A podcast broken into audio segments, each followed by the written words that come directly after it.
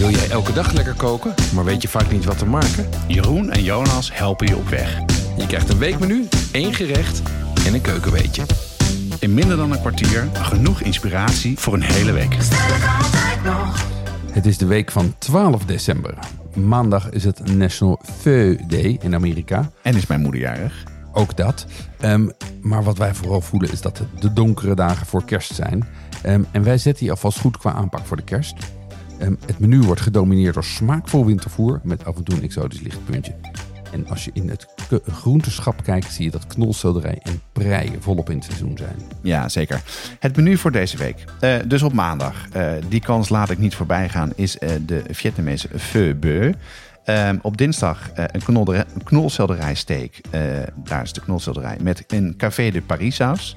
Op woensdag maken we bruine bonen met rijst. Op donderdag een quiche lorraine van Bocuse. En op vrijdag maken we een spanna copita en een, met een salade van bietjes en een uienkompot. Het is Feu Day, ehm, dus we maken een feu. Wat is een feu, Jonas? Nou, dat is een van mijn favoriete soepen. Pho Ja. is een, eh, Vietnamese rijstnoedelsoep. Mhm. Ehm, op, met, op, eh, met als basis eh runderbouillon, een vrij stevige runderbouillon. Ehm, en dat is wat ingewikkelder. Ja. Dus je moet die soep wel van tevoren maken. Of je gebruikt een bouillonblokje. Werkt ook prima. Het is, wat er lekker aan is, het is heel aromatisch. Er zitten heel erg veel specerijen in eh, die, die die soep aromatisch maken. En heel erg veel verse kruiden als koriander en andere dingen met veel crunch.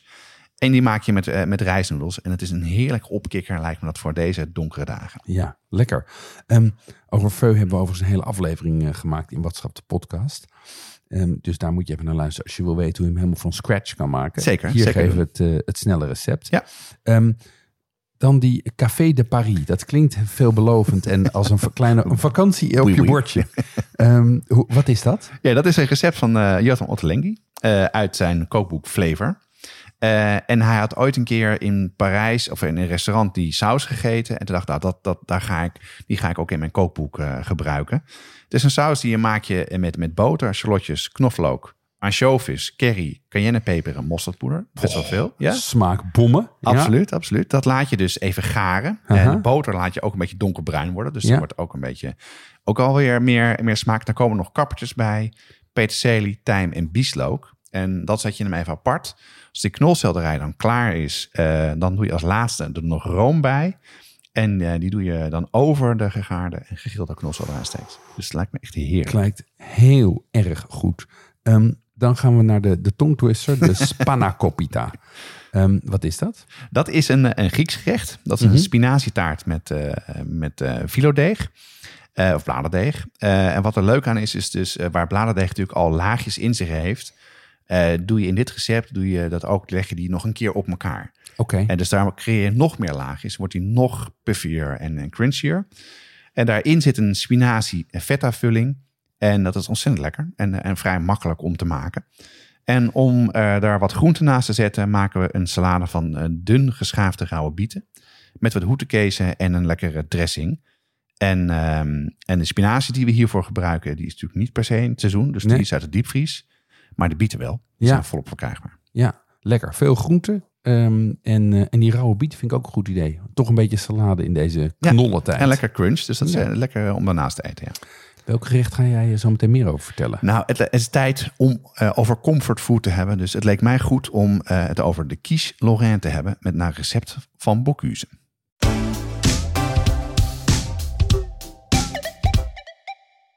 Op onze site hebben we ruim 400 recepten staan. Maar voor meer dan 200 ingrediënten moet je toch echt even naar een speciaalzaak gaan of een toko. Ja, en vanaf nu kan je die dingen online vinden bij onze partner pimenton.be. Dat is de webshop voor foodies en hobbycooks. We hebben inmiddels al onze recepten gekoppeld aan een webshop. Bestellen gaat dus heel makkelijk. Het is alleen klikken op een link in de ingrediëntenlijst.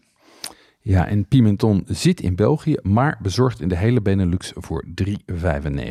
Ga naar pimenton.be om te bestellen. Donderdag heb jij de quiche Lorraine op het menu gezet. Ehm, nou, dat is, een, eh, dat is natuurlijk een, een instituut. Ehm, wat, is dat voor, eh, wat is dat voor gerecht voor de mensen die het niet kennen? Ja, het, het is een gerecht ehm, wat... Het is eigenlijk een, een taart van Ja. bladerdeeg. Hartige Eh, taart. hartige taart met een mengsel van, van ei, room, bacon en ui.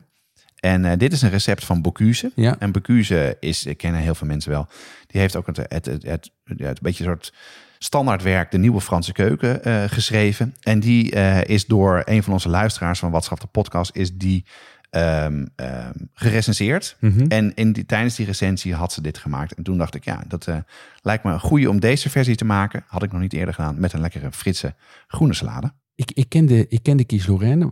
Wat doet Bocuse anders? Waar, waar onderscheidt het recept van Bocuse zich mee? Ja, als je heel even snel naar het recept kijkt, is, is het vrijwel hetzelfde. Eh, Je Mhm. gebruikt een, eh, een, een, een bladerdeeg, maar daar moet je een wat grotere vorm voor gebruiken. Eh, je bakt de spek uit. Eh, die doe je dan in, eh, in, de, in de taartvorm met bladerdeeg. Dus hij maakt plakjes gruyère kaas en niet, ge- niet ge- Geraspt? geraspt. Eh, de ui is gestoofd in het, in het spekvet met boter. Ja, En dan gaat een mengsel van bijna een, van ei, drie eieren en bijna een halve liter room erin. Dus dat is best veel. En dat gaat dan 30 minuten in de oven. Dus het is vooral veel room wat, eh, wat er anders is. ja, dat klinkt als heel veel. Gaat dat wel goed? Wordt dat niet gewoon een natte klets?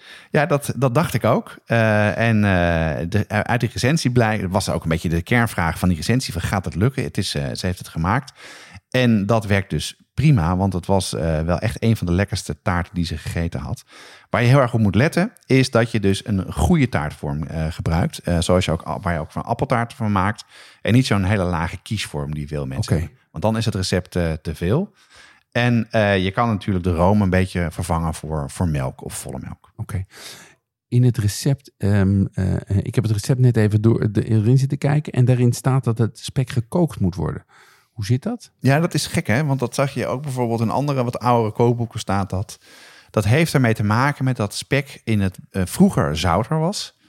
En eh, Naomi, die de recensie geschreven heeft, zei zelf ook, er is ook naar onderzoek naar gaan doen. Het schijnt ook in Nederland dat we minder zout spek hebben dan in het buitenland of in Frankrijk. Oké. Dus ik zou dat, dat staat ook bij het recept, je kan het achterwege laten. Dus je hoeft het niet per se eh, uit te koken, zoals het wel in het recept staat. Alright. Als je kies maakt, maak jij dan altijd deze kies? Nee, eigenlijk nooit. Daarom wil ik hem wel een keer klassiek maken. ja. Omdat, ook omdat eh, Naomi er zo ontzettend enthousiast over was. Dat hij echt heerlijk was. Ehm, ja, ik kijk vooral een beetje... Het is voor mij een soort restverwerkingsgerecht. Ik kijk wat ik aan groenten heb. En ik denk dat het belangrijk is dat je, als je de groenten eh, die je hebt... Die moeten, die moeten lekker bij kaas zijn. Oké. Dus het zijn vooral witte en groet, eh, groene groenten. Ja. Eh, denk aan prei, koolrabi, venkel, broccoli of courgette. Ja. Dat doe je er dan bij. En je zou ook in plaats van spek paddenstoelen kunnen gebruiken. En dan, dan kan je hem dus ook gewoon vegetarisch maken. Lekker. We zitten vlak tegen de kerst aan. Eh, dus de kerststress is eh, wel haast voelbaar. Zeker als je eh, ga- zelf gaat koken. Ehm, hoe is jouw planning eigenlijk, Jonas? Ja, die was vroeger anders dan nu. Had Mhm. ik nu inderdaad ook heel erg veel stress. Dat is nu veel beter. Want ik wachtte altijd te lang met het maken eh, van mijn menu en boodschappen. Aha. Het ergste wat ik wel eens heb gehad, is dat ik eh, bij een slager was in Amsterdam die niet aan reserveren deed. Oké. Je moest gewoon komen. Denk, Ja. nou, dan kom ik vroeg. Nou, ik heb echt twee uur in de rij gestaan. Op, op, op de 23 tot de 24 ja, ja, ja, Oh, Kerst, eh, het is op kerstavond, dag van kerstavond. En dat doe ik nu heel anders. Ik plan het best wel goed van tevoren. Ja. Eh, ook allemaal boodschappen. En soms is het eh, slim om heel vroeg naar de supermarkt te gaan. Een dag van tevoren is het Mhm. vrij rustig. Maar probeer het nu zoveel mogelijk te bestellen. Dus ik ga nu ook naar een andere slager waar je gewoon wel kan bestellen. Ja, precies. En jij, hoe, eh, hoe is jouw planning voor kerst?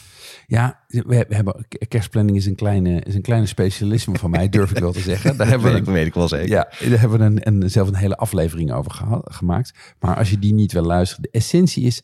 Het gaat natuurlijk gewoon om dat het gezellig is aan tafel. Ja, ja. En, en dat je tijd aan Tijdens tafel... kerst? Ja, en dat je tijd aan tafel hebt.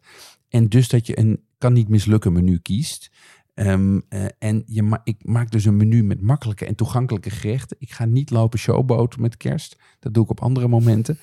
Ehm, en ik bedenk voor elk gerecht hoe en, en hoe laat ik ze ga opdienen. Nou ja, je maakt Zodat echt, ik, ik maak echt een planning. Dat ik Ja, weet ja. wat ik moet doen. Ja. En ben jij ook al eerder aan het koken? Of kook je alles op op kerst zelf? Nee, ik kook zo. Ik, alles wat ik al kan voorbereiden, bereid ik voor. Ah ja, dat Tot en met het wassen van de kruiden. Oh ja? doe ik allemaal van tevoren. Ah ja. Heb jij nog eh, heb jij tips, Jonas? Ja, dat, eh, wat ik eh, heb wel door schade en schande heb geleerd. ehm, en dat bedoel ik nu wel een aantal jaren wel meer. Omdat het gewoon dus inderdaad veel relaxter aan tafel is. Kook iets wat je al eerder hebt gemaakt. Ga geen nieuwe dingen doen Nee. op kerst. Nee.